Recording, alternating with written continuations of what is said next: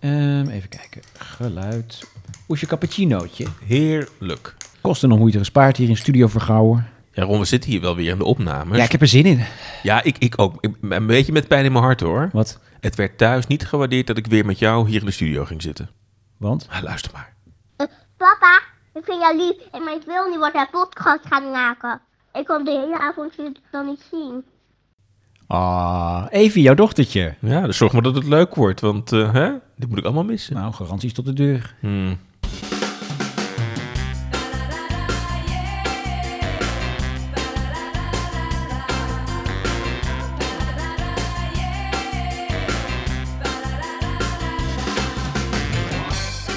Ja, daar zijn we weer met een nieuwe aflevering van eh, de podcast over tv-nostalgie. Daar bleef je voor thuis. Met sprankelend als altijd, maar wel met traantjes in de ogen, want zijn dochtertje is er niet bij. Maar toch, Bjorn Bouwens. Ja, en zie hem ook weer zitten. Ron Vergouwen, strak in het pak. En eh, ja, we gaan weer vandaag tv-programma's bespreken van weleer. Titels die ons mee terugnemen de tijd.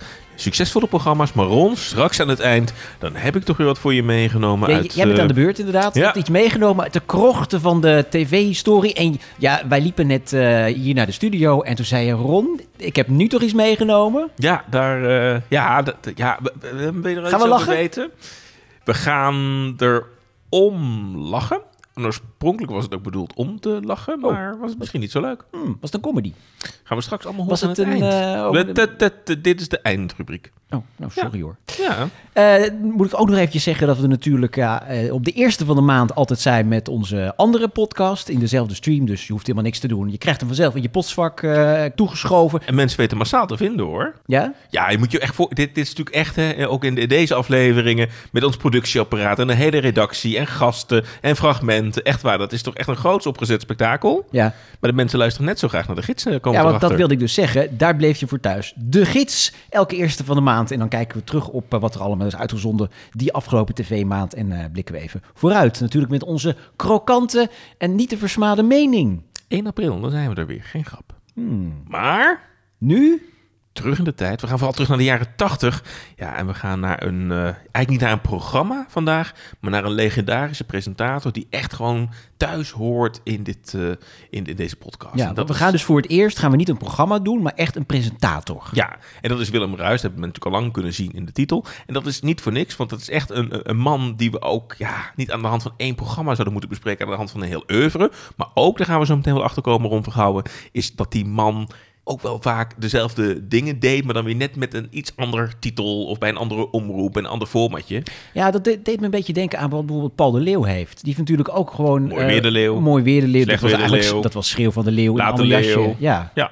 ja, dat deed Willem Ruis eigenlijk toen ook al. Dat alles was met al- ruis. Alles met ruis, dat deed Willem eh, Ja. toen. Dus we gaan eigenlijk... Ruis op de lijn. Dat programma heeft hij niet gehad. Nou, dat was toch een fantastische titel. kans, Dat ja. is toch jammer. Maar we blikken terug op ja, de, de, het rijke oeuvre van iemand die ons veel te vroeg is ontvallen. Maar die wel een schat aan tv-geschiedenis heeft achtergelaten. Zeg. Ja, maar het is wel iemand... Kijk, wij, eh, wij hebben hem net niet... eh, tenminste, ik heb hem niet bewust eh, gezien nog op de, de buis. Eh, Nee. hij is, in 86 is hij overleden. Toen was ik vijf. Ik was vier. Ik heb wel heel veel van hem later teruggezien en zo. Want eh, legendarische fragmenten. Maar ik heb zijn toptijd niet bewust meegemaakt. Ik ook niet. En, en- maar het heeft me altijd wel gefascineerd. En tot de, het heeft tot de verbeelding gesproken. In mij ook, ja. En eh, ik heb toen als, als kind veel terug eh, gezien. Heb ik ook in de voorbereiding op deze podcast weer heel veel oud materiaal gezien. En Voorbereiding. Ja, ja, dat zullen mensen horen er niet vanaf, maar eh, echt waar hoor. Ja, en de hele redactie heeft natuurlijk jaren aan geploeterd, maar Ja. ja, ja en een, een terecht plekje in deze podcast. Ja. En, eh, Nou, dus- laten we eens bij het begin beginnen. Precies, want eh, Take it away, Bjorn. Kijk, Wil- Willem Ruis was in één keer als, als grote showman met die gelanceerd en had daarvoor niet heel veel. Sorry, ik zie, ik zie jou hier met zo'n enorme, zo'n enorme cappuccino. Het is alsof Mark-Marie Huibrechts hier tegenover mijn tafel zit. Ja, zo'n grote kop. eh, Ja, ja, het is heerlijke cappuccino. Ja. Heerlijk, ja. Nou. Lekker schuim. Nou. Heel goed, heel goed. Ehm, kijk, want hij werd in één keer gelanceerd als de grote nieuwe showman, zeg maar, eh, van, van Nederlandse televisie. Hmm. En eh, hij zat daarvoor vooral in redactie van tv-programma's. En, eh, maar we zagen hem voor het eerst ook echt in beeld in een programma van Aad van de Heuvel. Want die maakte in, in 1975 de Van Spijk Show. Ja, en dat was eigenlijk een soort van satirisch programma. Ja, er zat van alles in. Het was een avondvullend programma. Ging ook, ook een beetje om de, de problematiek in de derde wereld aan te stippen. Maar er zat van alles in. Amusement, eh, quizje, eh, satire. Het was een heel ja, avondvullend programma. Eigenlijk Aad van de Heuvel, ook legendarische man trouwens. Ja. Jammer dat we die niet eh Hebben kunnen podcast... spreken. Nee. Ja, ook dat heb ik natuurlijk wel gedaan. Superleuke aflevering. Hadden we nog geen gasten.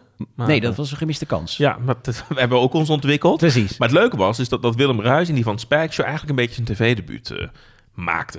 En daarin speelde hij een verslaggever. Hij zat ook in de redactie van dat Mhm. programma. En als verslaggever ging hij op pad. En in dit onderwerp werd gezocht naar... Ja, die zware economische tijden van de jaren 70... die gingen ook niet aan Sinterklaas voorbij, hoor. Dit hier is meneer X, een van de vele Sinterklaasen die avond en avond op pad trekt om kinderen cadeaus aan te bieden. Meneer X is bovendien werkeloos. Ik zit anderhalf jaar zonder werk, ja. En u doet dit werk als Sint-Nicolaas ook zwart, hè? Jawel, meneer.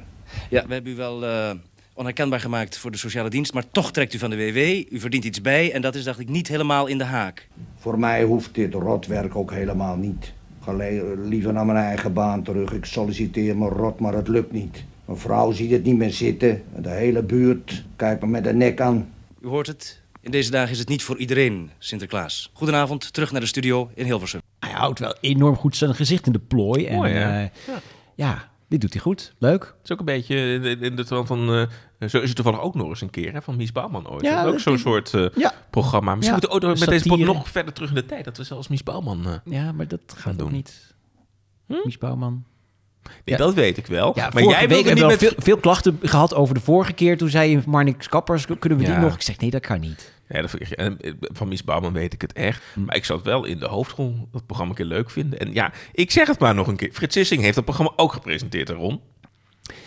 Hey, we moeten door. Ehm, want eh, ja, 1976, toen kwam zijn eerste grote show, de Willem Ruis Show. Nou, daar heb ik wel heel veel dingetjes van teruggezien. En het leuke was dus, we hadden pas natuurlijk eh prijzenslag met Hans Kazan. De man die alles kan. Ja, maar ook de man die de fantastische stem had in zijn programma, Pierre van Ostade, de Kom maar naar beneden en sla je slag rond, vergouwen. Precies, nou, die, maar die had Hans Kazan wel overgenomen van onder andere de programma's van Willem Ruis. Dus eh, even de opening van de KRO Willem Ruis Show. Zondagavond, Caro, Nederland 1. Jos van der Valk presenteert de Willem Ruis Show. En hier is de man van de duizend cadeaus, Kissmaster Willem Ruis.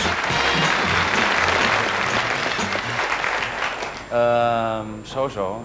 Loes staat in het rode vak en houdt een eh, foto omhoog. Hij is zelf gemaakt. Wat zei erbij?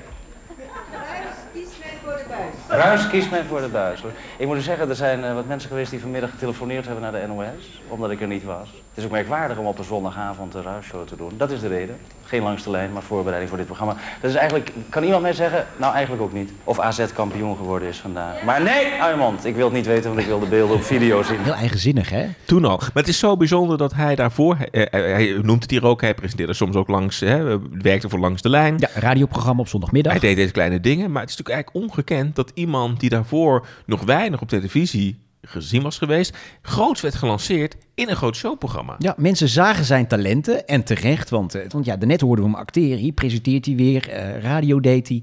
Eh, we Zingen gaan we straks ja, dat ook gaan we straks ook nog horen. inderdaad. Dus ja, hij was van alle markten thuis. Ja, en, en wat zo bijzonder was, is vaak dat die programma's, we gaan ook zo meteen wat van die formats bespreken, die hebben eigenlijk niet veel om het lijf. Dat zijn vaak toch hele eenvoudige spelletjes of formats, maar dat werden bijzondere programma's, omdat daar de typische Willem Ruijs signatuur aan zat. En, Ja. en in dat eerste programma van, van de KRO, hè, ja, ja, er werden wat mensen uit de zaal eh, geselecteerd die eh, of bijzondere sokken hadden, of, of een opvallend spandoek hadden, of een, een pakje hadden aangetrokken. Ja, en die werden dan hè, naar voren ge- gehaald en die speelden dan wat spelletjes. Ja, Eenvoudige spelletjes. Maar net, eh, Pierre van Ostade noemde hem de Kissmaster. Dat was een Ja. beetje zijn bijnaam. Waarom was dat? Nou, die, die kandidaten die die spelletjes moesten doen, zeg maar. Kijk, Willem Ruijs was een hele actieve, energieke man.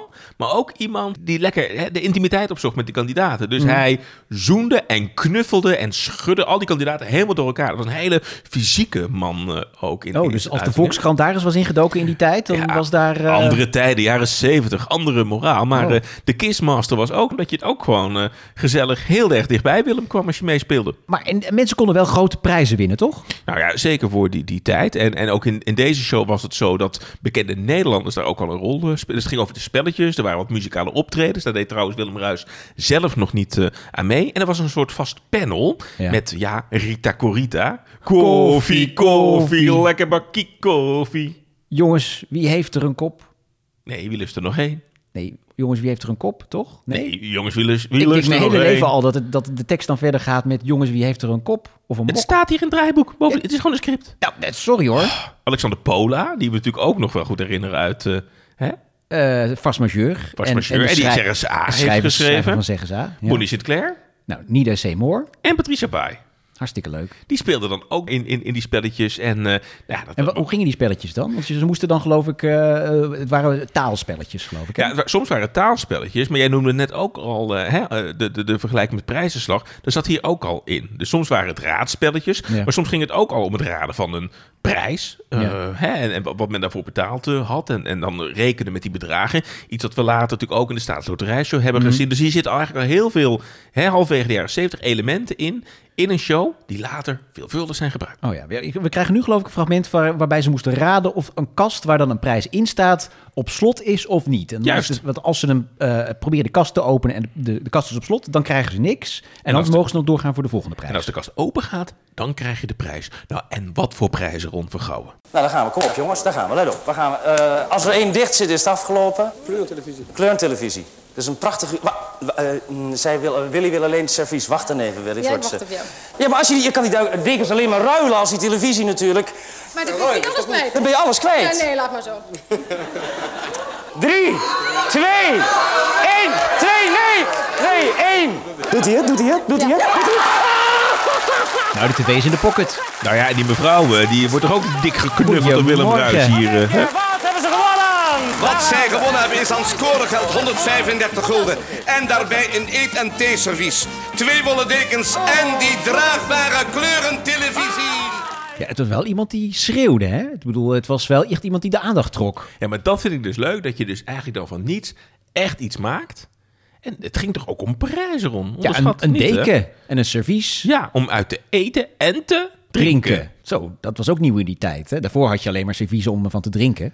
Maar het krachtige is, die formats zijn eigenlijk zo simpel. Gaat een deur open of niet, zeg maar. Als die deur open gaat, krijg je de prijs. En dan maak je kies je Het is eigenlijk net het leven, hè? Soms gaat een deur open en soms blijft die Oh, dicht. filos- dus eigenlijk is Willem Ruijs heel filosofisch. Maar, luister. Dit was slechts het begin van de carrière van eh, Willem. Oh, ik begrijp dat je nu pas op stoom komt. Maar het, het grootste mo- moest nog beginnen, Het- toch? Je doet weer een soort Joop van de Ende-achtig groots amusement. Maar dat was een tv-transfer. Dat was eigenlijk een soort van... Als, als mensen dachten van... hé, hey, bij de VARA-transfers zijn bijzonder. Maar dat was toch eigenlijk bij Willem Ruijs ook al het geval, toch? Ja, maar die ging van de KRO naar de VARA voor echt een astronomisch bedrag. Hè? Eh, drie ton, geloof ik. Ja. In guldens toen In guldens.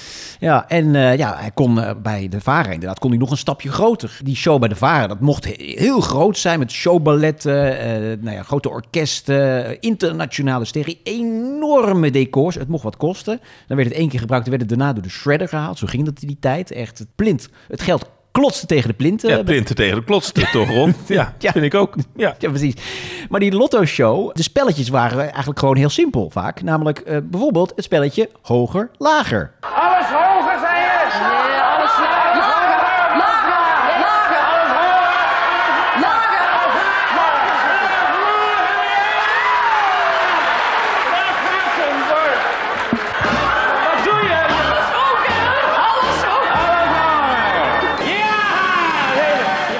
Alsof het leven ervan afhangt. Hè? Mm. Ik vind het ook prachtig dat... Mensen hebben natuurlijk later gezegd dat Ron Brandstede nogal kon zweten. Maar serieus, hè? Willem Ruijs, echt na, halfweg die uitzending... hij Emmers. Emmers zweet, Ja, gutste ja. ervan af. Druk, springend, schreeuwend, tierend. Voor mij we waren toen helemaal niet zo echt gewend aan, aan bewegende camera's. Nee. Maar die cameramensen moesten bewegen. Omdat Willem Ruijs echt door die studio heen sprong en Ja. in het publiek was. En dat vind ik zo grappig. Het is gewoon een kaartspelletje met is het volgende kaartje hoger of lager. Gekoppeld aan een lotto-show, bij de publieke omroep nog wel. Maar wat een energie. Dat was ongekend. Ja, inderdaad, tijd. het spelletje hoger laag. Wij woonden, wij komen uit de zuidelijke streek van het land, hè, daar woonden wij. Ja, daar komen en wij we keken, eh, net als heel Zuid-Nederland, volgens mij ook heel Nederland in die tijd, ook vaak naar de Vlaamse televisie. Zeker. En ik kan mij daar nog levendig een programma herinneren, dat was ook in de jaren tachtig, dat heette Hoger, Lager. Dat had een fantastisch decor, alsof je in een soort ja, showpaleis was. Alleen, ja, het was een enorm, eh, enorm programma, maar er was geen showballet. Het was gewoon met één presentator. Ja, dat, daar moet je ook maar eens beelden van opzoeken eigenlijk. Hoger Lager van de BRT in de jaren 80. Enorm succesvol programma. En dat draaide ook inderdaad alleen maar om kaarten, hoger, lager. En dat was het dan. Maar eh, ja, Willem Ruis die maakte daar een grote show van. En inderdaad, die was heel bewegelijk. Dat was het vernieuwende aan Willem Ruis. Bij de slimste mensen is het eigenlijk andersom zo gegaan, hè? Daar is in België een leuk programma met cabaretiers en grapjes. En daar moet je in Nederland alle dingetjes van Maarten van Rossum doorskippen. Je stem is bijna kwijt, hè? Ja, dat, zo, zo hoog zit het. Ja, de mijne is al bijna kwijt. Het is hangen en wurgen met deze aflevering, dames en heren. Maar het is net als met de slimste mensen, hè? Ja. Oh, we gaan het blokje opnieuw doen. Ja, dat klonk echt. Ik, was, ik had echt geen eh, adem meer. Oh. En dan zegt hij weer, hij moest heel ver monteren. Ja, dat is, ja, de poepoe, papa. We moeten door. We gaan eens naar het... eh, we gaan... We gaan naar de grote artiesten, want die kwamen er heel veel langs. Eh, André Hazes en Gina Lollobrigida, Wie? bijvoorbeeld. Lollobrigida. Dat is een groot Italiaans. Dat moet je uit toch aanspreken hier met. Italiaans. Ja, en, een en, en heel groot qua statuur. Ja, maar ze kwam wel langs bij Willem Ruis. Met... Dat zei ik net, André Hazes. Gevraagd of ik het wil vertalen, wat ik dus even voor je doe. Con amor vorrei cantare tutta la gioia che io ho. Ze zingt alleen nog maar van liefde, de rest krijg je van haar cadeau.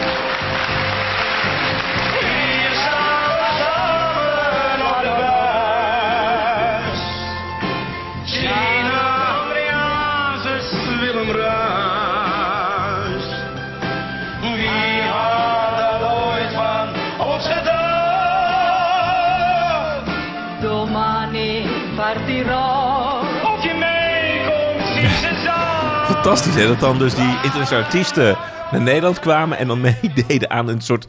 Wist, wist zij veel waar ze in terecht kwam. En ze kenden André Hazes niet, maar... En het was één grote chaos. Ja. Het was wel gezellig. Maar ja, en, en, en ze vindt het dan prima dat er een soort Nederlands grappig tekstje over haar nummer wordt gemaakt. Je ziet André Hazes ook in dit fragment als een soort van klein schooljongetje. Helemaal onder de indruk ook van hè, met, met zijn idool daar op het podium eh, staan. Veel van zijn... Bedoel je nou eh, Willem Ruis of eh, Gina Lollobrigida? Nou, van, van, van, van omdat hij natuurlijk heel veel nummers aan gecoverd heeft, zeg maar. Ja. Dat was echt zijn, zijn held. Ja. En, en Willem Ruis, die lijkt daar zo ogenschijnlijk makkelijk doorheen te gaan. Het lijkt of, of hij ook weinig nou, onder de indruk is van de status of het sterrenom van anderen. Het komt allemaal maar in zijn eh, programma. Ja, Ja. uniek, ja. Ja. Jij wilde er ook nog iets laten horen van Tina Turner, hè? Ja, want als je het dan ook hebt over dat, dat je dan wereldsterren naar Nederland kunt halen. Hij haalde die Tina Turner hierheen. Echt op het top van haar eh, roem. En dan zou je dus kunnen zeggen, die gaat dan een van haar grote hits eh, zingen. Maar die werd dan gewoon, die ging een soort musical-achtig nummer dan eh, opnemen met Willem Ruijs. Ik vind het legendarisch. Luister maar. Tina, doe, me een lol. Mijn tong hangt op mijn schoenen en ik hou het niet vol. Misschien nog net één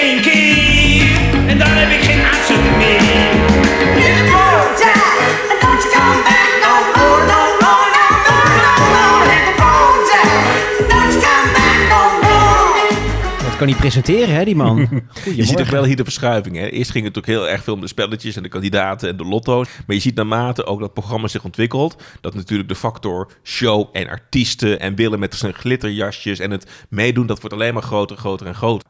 En hij, hij zocht daar ook wel in. Op een gegeven moment eh, kwam er ook een soort rubriek in die Lotto-show. Die heette dan eh, Willems Droom. En dat was eigenlijk een beetje een reden om iedere aflevering... een soort van andere setting, dan een soort mini-musical op te voeren... waarin hij zelf dan de hoofdrol speelde. En dat ging over van alles. Vaak ging het voor mij ook over dingen zeg maar, die hem op dat moment zelf bezig hielden. En dat wilde hij dan, dan uiten in, in, in zijn programma. Ja, ja. Een, een soort droomwereld. En misschien moet je eventjes een verwijzing maken naar eh, dat clownsduo. Dus dat hebben mensen al heel lang niet van je gehoord, vinden ze leuk. Eh, een, een soort eh, droomscène dus. Ja, kijk, Bassie en Alia zouden zeggen... Ach, gaan we het er weer een keer in gooien? Dat, dat ze dat even aan de binnenkant van de ogen gingen bekijken. Of tante Teel van de familie Knots zou zeggen van... ik ga het even mijn roze wereld bekijken. Willem Ruis had zijn eigen dromen. Nu kan het nog. Laat wat je droomt maar leven. Nu kan het nog. Zo'n sprookje duurt maar even. De tijd dat van je dromen niet het minste uit zou komen, duurt zo lang.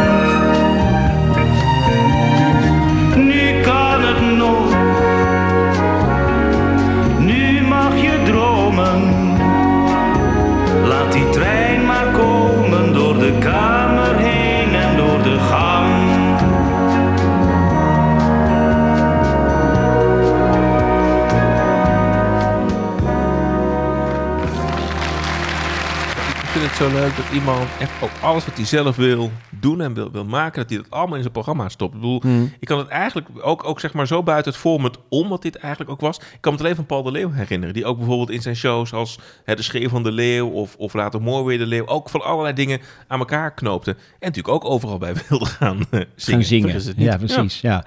En later, ja, dat, daar heb ik wel heel veel over gelezen en ook over gezien. Want dat was het, het- ja, eigenlijk een van de grootste dingen die we ooit hebben gehad. Op, Je hebt groot, en groot, groter en je hebt grootst.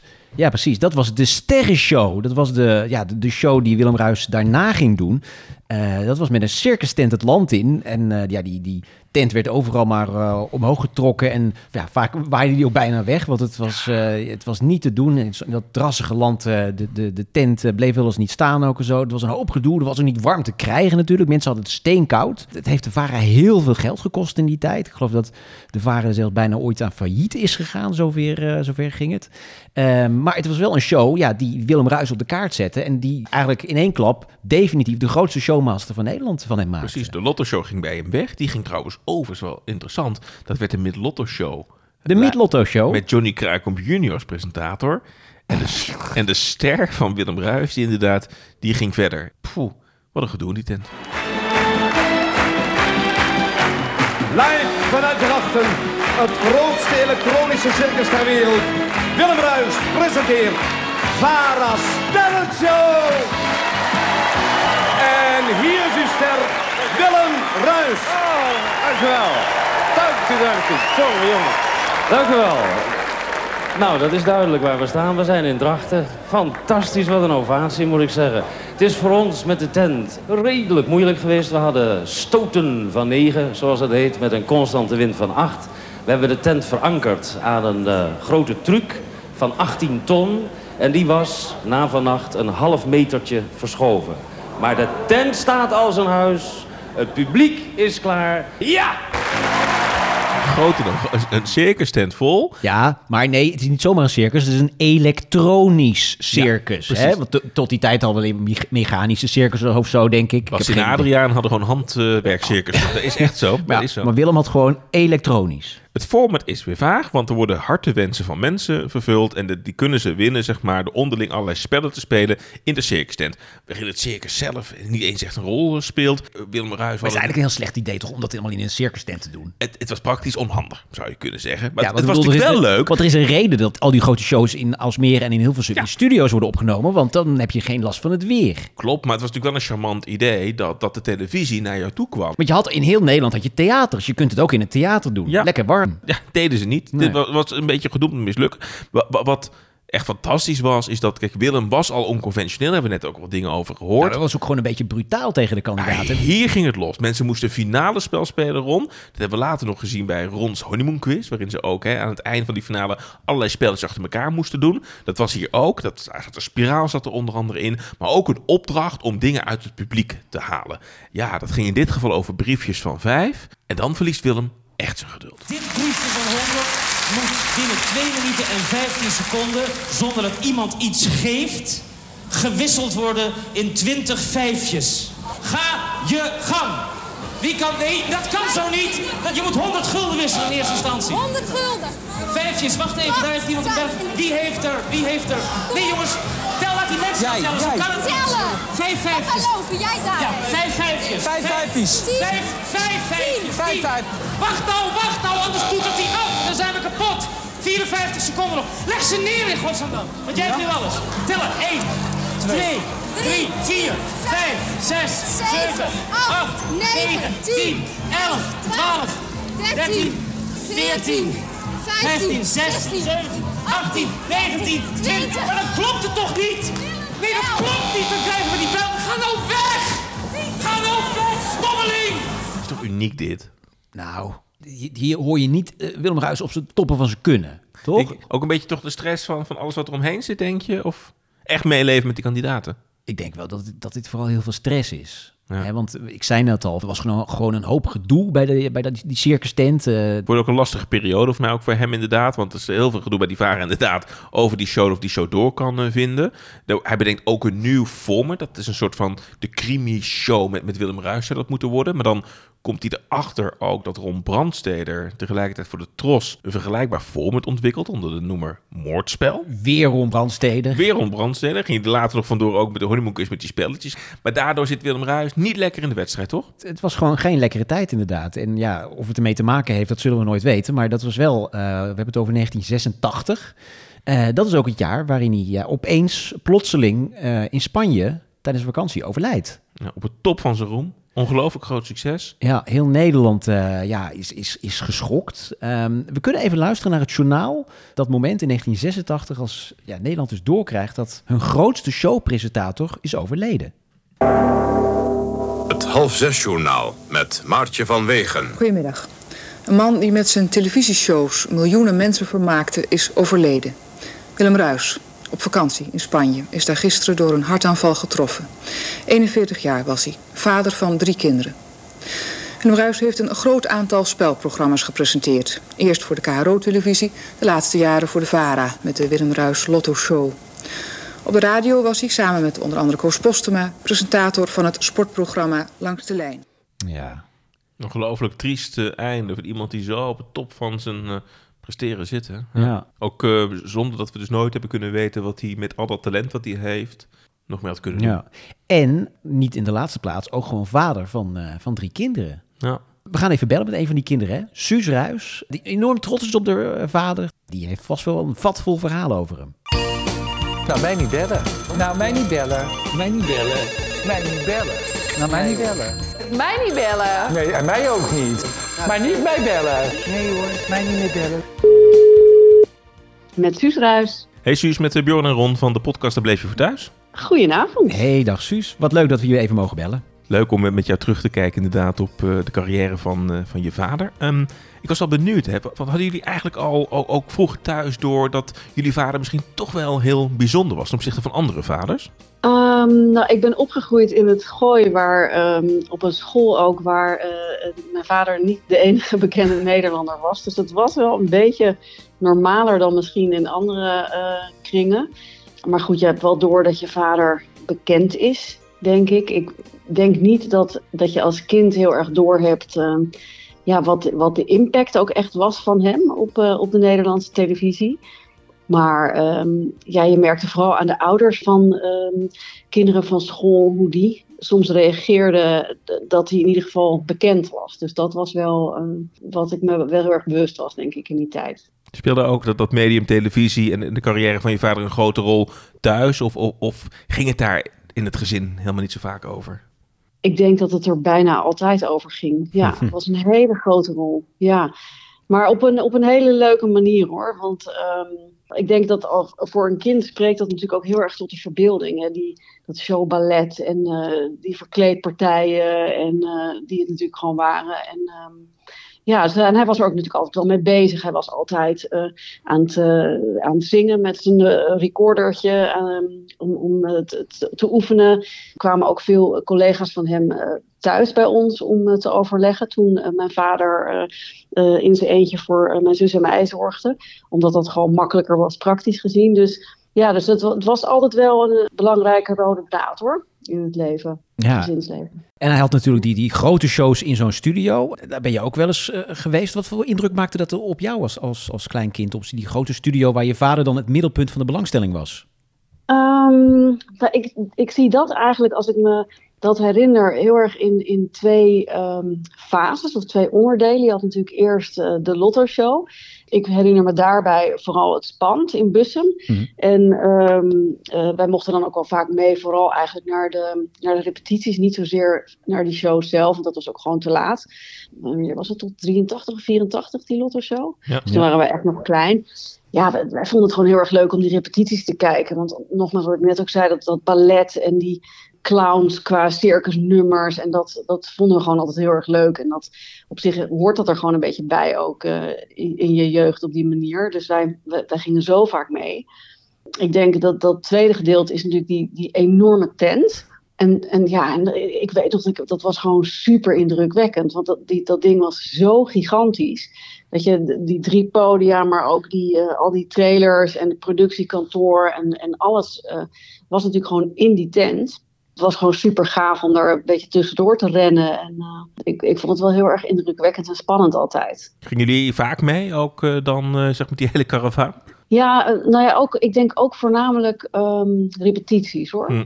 Ik denk die show zelf, dat, ja, dat, dat was natuurlijk ook, wat ik al zei, laat, maar ook wel heel erg een soort van opperste concentratie. Dat ja, dat, uh, ik, ik ben ook wel een keer vloekend weggestuurd door Penny de Jager. Dat ik gewoon aan het spelen was, echt tijdens een show, een live show. Net iets te dicht in, het, in de coulissen, zodat ik bijna op het podium stond. En die krijste echt, uh, ja. ja. ik zal het niet herhalen. maar, ja.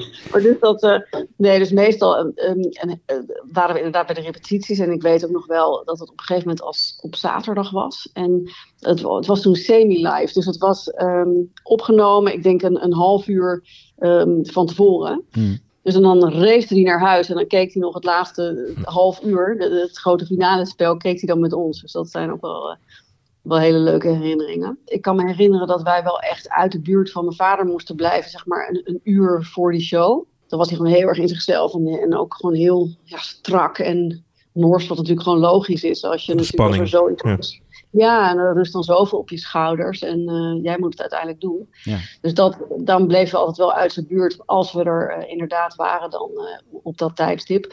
Maar wat ik, ik kan me dat um, nog wel heel erg goed herinneren dat het zo ontzettend koud was. Dat ze die hm. haringen ook, die, die braken echt als luciferhoutjes schijnbaar. En dat, ik weet inderdaad nog wel dat het gewoon, um, want dat was volgens mij namelijk de show dat mijn zus en ik... Um, mee mochten doen in een, in een shownummer. Gewoon als zijn kinderen, zeg maar. Als, over een soort shownummer over een vader die dan heel veel op reis is. En uh, bij de kinderen. Weet je, als kind vind je het gewoon sowieso leuk. En ben je een beetje aan het spelen en aan het klooien daar. En, ja. ik denk dat je wel de spanning heel erg merkt van alle volwassenen die daar aan het werk zijn. Want het zijn natuurlijk gigantisch veel mensen die daar bezig zijn. Maar tot op zekere hoogte hoor. We hebben ook in de, in de podcast net al heel veel fragmenten laten horen uit zowel de Lotto Show als de Sterren Show. En ja, eigenlijk kunnen we niet stoppen, merken we ook in de show. Want, het is zo'n schat aan, aan fantastische, legendarische televisie. Ik, ik denk je natuurlijk ook zelf heel veel voorbij hebt zien, zien komen in al die jaren. Zijn er een aantal fragmenten die je heel dierbaar daarin uh, in, in zijn? Um, ja, het zijn er wel veel hoor. Ik denk heel erg uit de, uit de begintijd van de, van de Lotto Show. Ja, gewoon omdat, omdat hij toen ook zo nog thuis aan het oefenen was altijd. En uh, omdat het toch ook wel echt voor hem ook heel erg nieuw was wat hij aan het doen was. En ja, ik denk dat ik die, die opwinding daarover wel ja, heel erg meekreeg of zo. Dus dat, daar heb ik een paar dingen die ik wel gewoon heel leuk vind. Maar ik denk, het is een fragment waar misschien niemand aan zal denken, maar wat ik zelf heel leuk en dierbaar vind, is het Egypte met, uh, met Sonja Barend. Uh, Sonja die speelt dan uh, Cleopatra. Hm. Sonja was echt een hele dierbare vriendin van mijn vader. Die waren ontzettend dol op elkaar. Hm. Mijn vader die speelt dan, weet ik veel, Marcus Antonius, die dan vanuit zijn helm teksten moet voorlezen. En dan die kandidaten werden natuurlijk altijd uit het publiek getrokken als je dan het goede nummer had of zo, van ja. de lottoballer. En dat was dan een, een, een oude moeder met haar dochter. Het was gewoon een hele grappige scène. Dus in dat oude Egypte met al die grote mummiekisten, die farao-dingen. Dat die vrouw dan zegt, die moest dan iets oplezen uit haar helm. En die zegt dan, ik heb mijn leesbril niet op. en dat iedereen zegt, wat zeg je? Sorry, ik heb mijn leesbril niet op. En dat is zo'n geestig moment. En dan uh, mijn vader die dan uh, zichzelf in de borst laat bijten door een slang en dan op Sonja haar borsten valt en zegt, hm, daar heb ik lang op gewacht, zoiets. En dat is zo grappig, leuk, een lief moment. En helemaal denk ik ook omdat um, ja, door die band tussen die twee, dat, ik, dat dat wel echt een van mijn lievelingsmomenten is. Wat mooi. Ja. Je, je, gaf net ook aan dat je de begintijd dan ook wel, wel bijzonder vond. Toen wij ook weer die eerste afleveringen terug uh, gingen kijken, vond ik het zo opvallend dat er eigenlijk niet helemaal zoveel verschil zit tussen hoe hij aan het begin al in zijn energie en in zijn presentatie zit en, en later. Dus um, ogenschijnlijk, zeg maar, leek hem dat vanaf het begin heel erg van nature af te gaan. Maar, maar dat is dus eigenlijk nou ja, En vooral zo. volgens mij ook niet willen lijken op de, wat op dat moment heel erg uh, voor de hand lag om in Hilversum een hele keurige presentator te zijn. Het Fred Oster type, zeg maar. Wat jouw vader natuurlijk totaal niet was. Ja, nee, en ik, ik denk niet dat dat, een, dat dat een hele bewuste keuze is geweest hoor. Want ik ga het heel anders doen. Of... Hm. Nee, ik, ik denk dat er wel een soort van. Um, dat dat ook een soort van professionaliteit is. Dat je dus niet ziet dat daar inderdaad wel degelijk een soort van zoeken was in het begin. Of eh, ja, spanning. Ja, het, het is wel degelijk inderdaad heel anders, denk ik, dan wat er toen eh, de geldende norm was. Ja. Ja, we hebben heel veel verzoeken gehad van luisteraars om een keer jouw vader te bespreken in deze podcast. Want hij heeft natuurlijk ja, enorme indruk achtergelaten. In zijn tijd was hij enorm populair, zowel bij links als bij rechts. Als, het was natuurlijk een heel ja, eh, gesegmenteerd medialandschap. Hè. Ik bedoel, de, de verzuiling. Je had aan de ene kant de VARA links en je had de TROS eh, rechts. Eh, maar iedereen vond hem leuk. Hij was heel populair bij iedereen. Hoe komt dat, denk je? Wat was het geheim van de presentatiestijl van jouw vader? Ehm, ja, ik denk toch echt het onconventionele. Ik denk echt dat het, ehm, dat het vernieuwend was. Uh, inderdaad, uh, komend uit, uit die tijd van de verzuiling en allemaal keurig en stropdassen.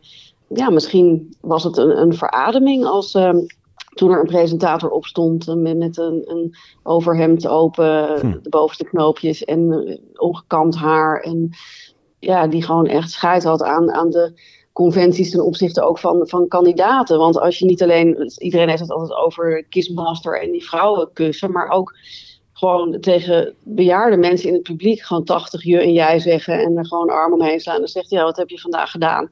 Weet je, dat, ik, dat klinkt best gek, maar ik vind dat best wel ja, ik zou dat echt nooit doen. En dat, um, dus ik denk dat dat wel heel erg aansprak. Gewoon het, um, ja, het, het, het nieuwe en um, ja, en misschien ook heel erg praktisch, eh, of je nou uit, uit, welke hoek van de maatschappij ook komt. Ik denk ook dat het de manier waarop hij um, spelletjes leidde, dat is eigenlijk misschien wel zijn, zijn grootste kracht. Groter dan, dan shownummers of dat soort dingen. Dat vinden natuurlijk eigenlijk de, de meeste mensen wel leuk om naar te kijken, denk ik.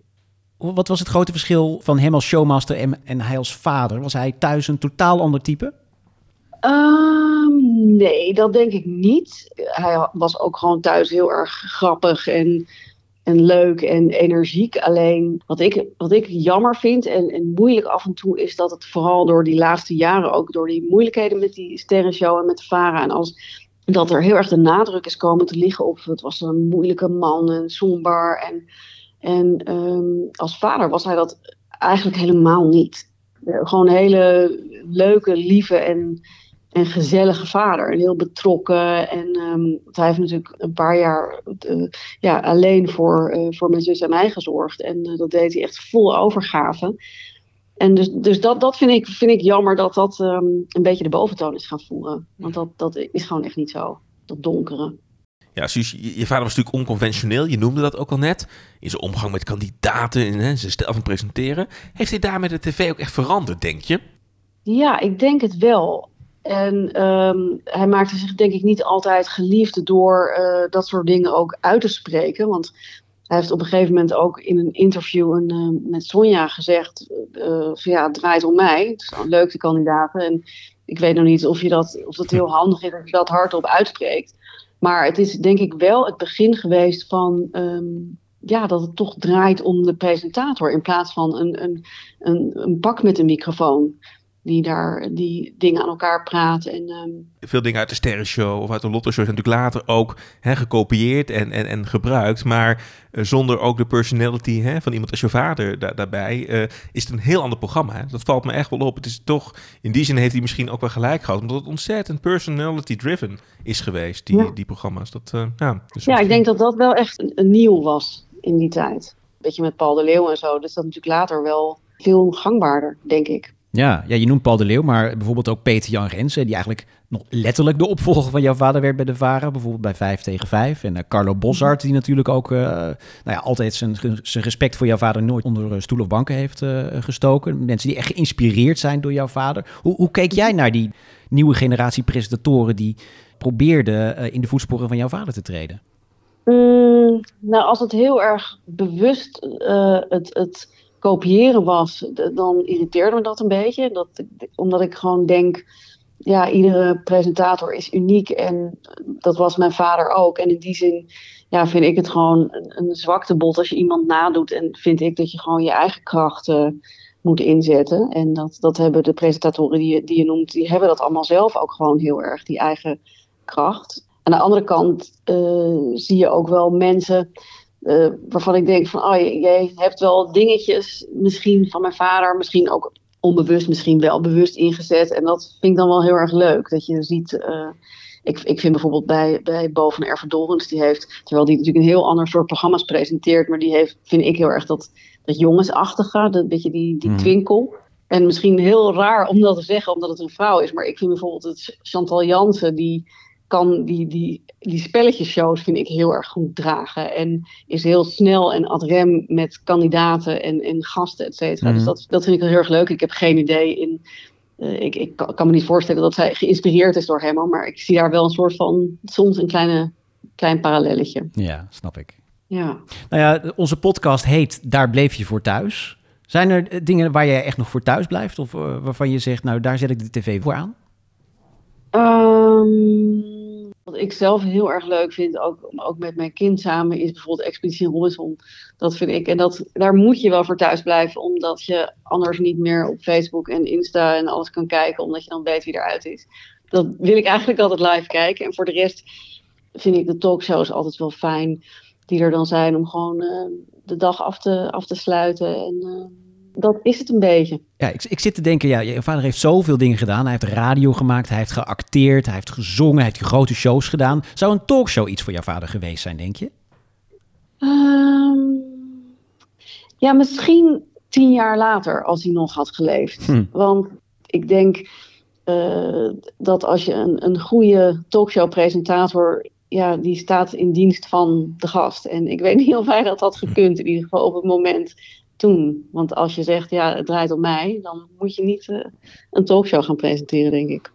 Je koos er zelf ook voor om een carrière in de media eh, te, te beginnen. Eh, toch geïnspireerd op, op je vader? Of, of hoe, hoe is jouw weg daarin in geweest?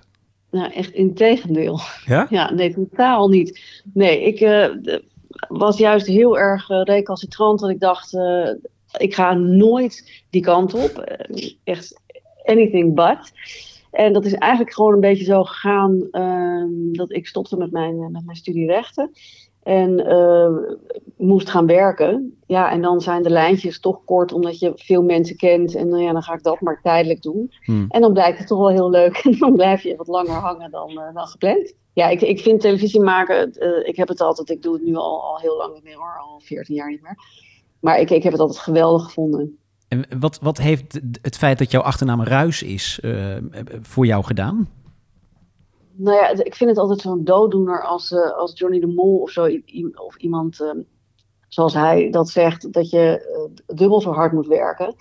Maar dat is namelijk wel echt zo. Je hebt altijd mensen ehm, die denken, oh god, die moet ook zo nodig. En die is met een gouden lepel in haar mond geboren. En die, ja, het is allemaal heel makkelijk. Maar dat is, het betekent juist, als je zo'n achternaam hebt, dat mensen ja, gewoon heel erg juist extra op je letten. En of je het allemaal wel doet. En eh, ik, ik heb wel ervaren dat je, dat je juist een tandje moet bijzetten om te laten zien wat je zelf in huis hebt. Het is dit jaar natuurlijk 37 jaar geleden dat hij is overleden. Dat er wel echt generaties zijn inmiddels die geen idee hebben wie hij was. Dat maakt het soms wel wat makkelijker, als ik heel eerlijk ben. Want dat is, eh, ja, die achternaam zegt hun gewoon niks. Ja. Jammer eigenlijk. Maar goed, we proberen hem in een podcast zoals deze toch een beetje levend te Precies, houden. ook weer voor Ja. nieuwe generaties hopelijk. En eh Suus, fijn dat je met ons jouw herinneringen en verhalen wilde delen. Heel fijn, dankjewel daarvoor. Tuurlijk, dank jullie wel. Dankjewel, Suus. Doeg. We hebben natuurlijk die grote shows van hem eh, be- be- besproken. Maar hij deed ook een aantal andere programma's. Hè? Eh, Vijf tegen vijf. Dat is natuurlijk ook... Wat ik net noemde, hè? Peter Jan Rens die dat daarna heeft over. Nou, wie heeft het eigenlijk niet overgenomen? Ja, iedereen heeft een keer... Als je de vijf tegen vijf niet gepresenteerd hebt op Nederlandse televisie, dan... eh, hè? Nou, het was eigenlijk, het, op een gegeven moment word je ingeroosterd door of John de Mol of, Ja. eh, of destijds Joop van den Ende. En dan moest je gewoon een keer vijf tegen vijf doen. Dat was een soort corvée. Zelfs Winston, ik heb een nieuw horloge, hè? Die, toch? Ja, die heeft het ook lopen Ja, doen met maar hij heeft ook geacteerd. Ja. je had in die tijd een populaire dramaserie Pleisterkade 17 waar hij in zit. En hij had zijn, eigenlijk zijn eerste eigen speelfilm ook. Dat heette Het Beest. Heb je het Het Beest wel eens gezien? Nee, die, heb- die is wel uitgekomen in mijn geboortejaar, maar die heb ik toen niet gezien in de bioscoop. Nou, dan speciaal voor jou nu een fragmentje van Het Beest. Leni, ik ga moeder voorstellen of ze bij ons komt wonen. Wat? Harry, dat meen je niet. Dat kan niet, ons, ons huis is toch veel te klein? Waar ze nu is, is ze levend begraven. Ach, je moet niet overdrijven. Ik, ik wil alles voor je moeder doen, maar we moeten ook aan onszelf denken. En zoiets is toch vragen om moeilijkheden? Ik overdrijf niet, het is mijn moeder, ze heeft altijd voor mij gezorgd. Misschien krijgen we nog een kind. Ik, ik, ik weet het niet zeker, maar het zou kunnen dat ik zwanger ben. Zwanger. En dat zeg je me nu pas? Ik, ik zeg toch dat ik het niet zeker weet? Maar je hebt die film dus nooit gezien? Nee, je hebt het gezien. Dan weet je ook niet dat in het eind... Ja, misschien verklap ik het dan nu allemaal. Spoiler, mensen. Ja, als je, als je de- het beest nog wil kijken, spoel er nu even 30 seconden door. Maar Willem Ruis, eh, ja, die knalt de halve kast af op het einde met een mitrailleur. Echt waar? Ja, daarmee het ook het beest. Wat een goede stem heeft die man trouwens. Ook, eh, nu hoor je dat hij Ja, fantastisch. nagesynchroniseerd. Maar dan, dan hoor je hoe goed die stem Wat een goed is. bruggetje naar het laatste fragment, Bjorn. Ja. Want we hebben ook nog een stukje radio van hem. Ja, langs de lijn. We hebben in het begin van de podcast ook al gezegd dat hij dus ook daar een beetje begon. En met een andere legend van de tv- en radiowereld. Koos Postema, Koos? Postema, ja, die samen deden ze op zondagmiddag altijd eh, langs de lijn. Dus het bekende sportprogramma. Ja, ik ben een eh, radiofreak, zoals je weet. Dus dit En een fragment- sportfreak, hè, Ja, dit is echt een legendarisch fragment. Want eh, ja, ik hou van een radiobloopertje, zoals je misschien wel weet. Dit Doe hem even opnieuw. De Nederlandse oer-radioblooper. NOS Hilversum 3 langs de lijn.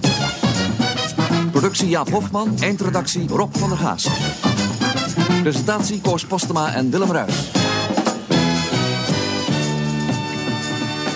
En derde Ron Schenk met 7186 punten. Windsurfer krijgt u van Koos.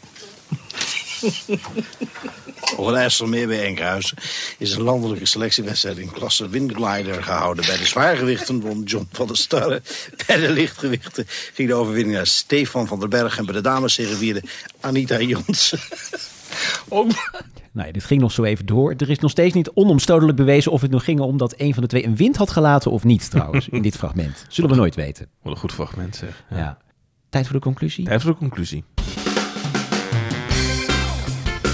Ja, normaal moeten we dan altijd een format eh, eh, ja, bespreken. En dan zeggen we van, ja, zou het nog kunnen terugkeren of niet? Dat is in dit geval natuurlijk ietsje lastiger, omdat het om, een persoon gaat. Ja, toch maar even dan de conclusie van Bjorn Bouwers. Er zitten mensen op te wachten. Nou ja, wat, zo bijzonder is, is dat natuurlijk eh, deze man dus ieder format overstijgt. Dus het maakt niet uit wat voor stom spelletje of, of programmaatje zeg maar, in de basis hij moest presenteren. Hij nam daar zijn persoonlijkheid in mee. Zijn unieke geluid eh, en manier van presenteren. En, En improviserend, hè? niet heel statig, niet heel keurig man in het pak. Eh goedenavond, dames en heren. Wat tot die tijd gewoon, ja, eigenlijk elke presentator deed. Hij deed het eens een keertje anders. die energie en, en, en die manier van die betrokkenheid bij die, bij die kandidaat. Ja, ik vind het echt uniek. Wordt volgens mij nog steeds gemist. Ik denk dat hij heel veel inspiratie heeft gegeven aan mensen na hem, ook in generaties. Dat er veel mensen voort hebben geborduurd op wat hij heeft eh, gedaan. Maar wat een unieke tv-presentator. Terecht, een eigen aflevering in Dat Bleef Je Voor Thuis.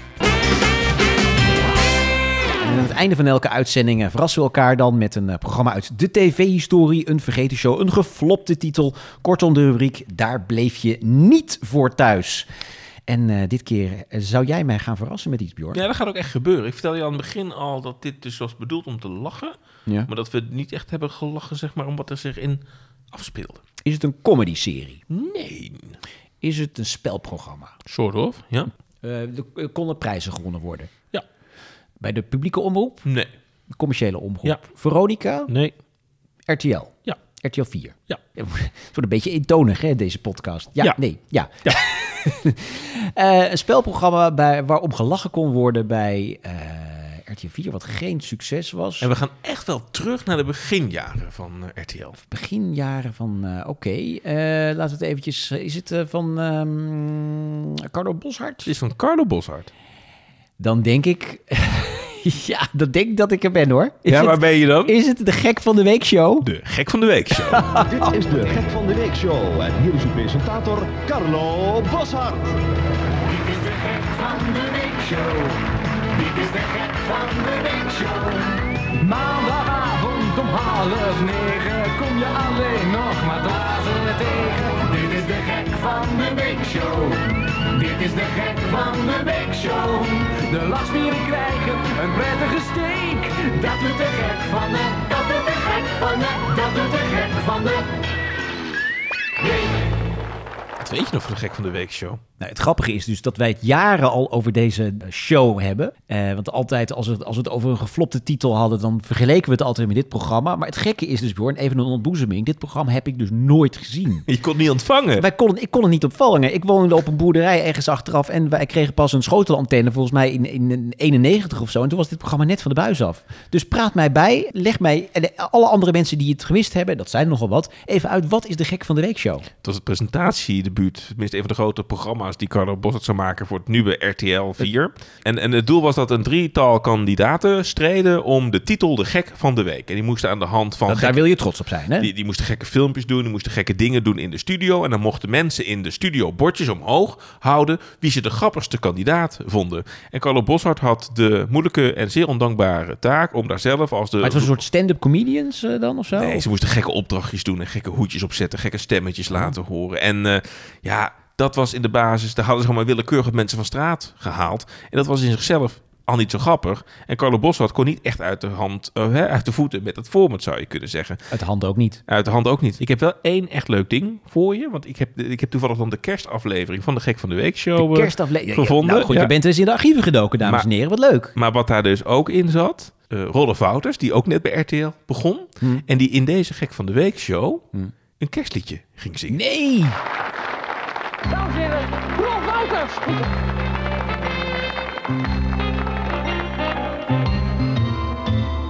Sleigh bells ring, are you listening?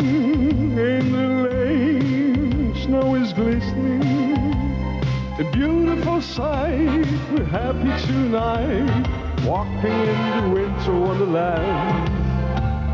Gone away is the bluebird, is to stay is a new Dit is wel even een hoogtepuntje toch Leuk nog. toch? Dus ja, dan dit, komen we eh, toch dit, nog goed. dit trekt het allemaal Ja, weer op. Gelukkig heeft Carlo Bos naar heel veel andere dingen gedaan die wel een succes eh, werden. Deze vreselijk tenenkrommende spelletjes en mensen die met een lachband het maar op probeerden te plussen. Nee, dat was niet goed. Daar bleven wij eh, Niet voor thuis. Nou. Jezus, wat een chaotische uitzending dit. Ja, ja gelukkig is dat de montage nog, hè? Ja, ja. daar kunnen we nog veel in redden Ja. inderdaad. Als, als u denkt van de klok al niet goed, dan is het in de montage ook niet gelukt om Ja, we zijn ook allebei verkouden volgens mij. Dus het, Ja. het, het, het gaat alle kanten op. Als je nou kritiek hebt, dan kun je dat natuurlijk doorsturen naar... eh, Of blij bent met ons. Daar bleef je voor thuis, at gmail.com. En dan kun je ook al je suggesties eh, voor programma's die we nog eens moeten gaan bespreken, doorsturen. Ja, en vergeet ook niet te kijken op onze sociale kanalen op Twitter en Instagram. Daar eh, vind je ons onder, hè, daar bleef je voor thuis. En dan heb je altijd het laatste nieuws als eerste. Tot 1 april, dan zijn we er weer met de gids. maar dat- eerst... is dat een grap? Nee, dat is gaan we echt doen. Wil je nog mensen bedanken? Jazeker, even de colorful. Producent Ron en Bjorn, of zoals Bjorn altijd zegt, Bjorn en Ron. Eh, regie Hanneke Kappen. Ruisonderdrukking Karin van High Definition. Hey Karin, ze loopt daar. Lotto-formulieren Lot Levering. Glitterjasjes, de firma Glitter en Schitter. En de blauwe M&M's werden dit keer gesponsord door Twix.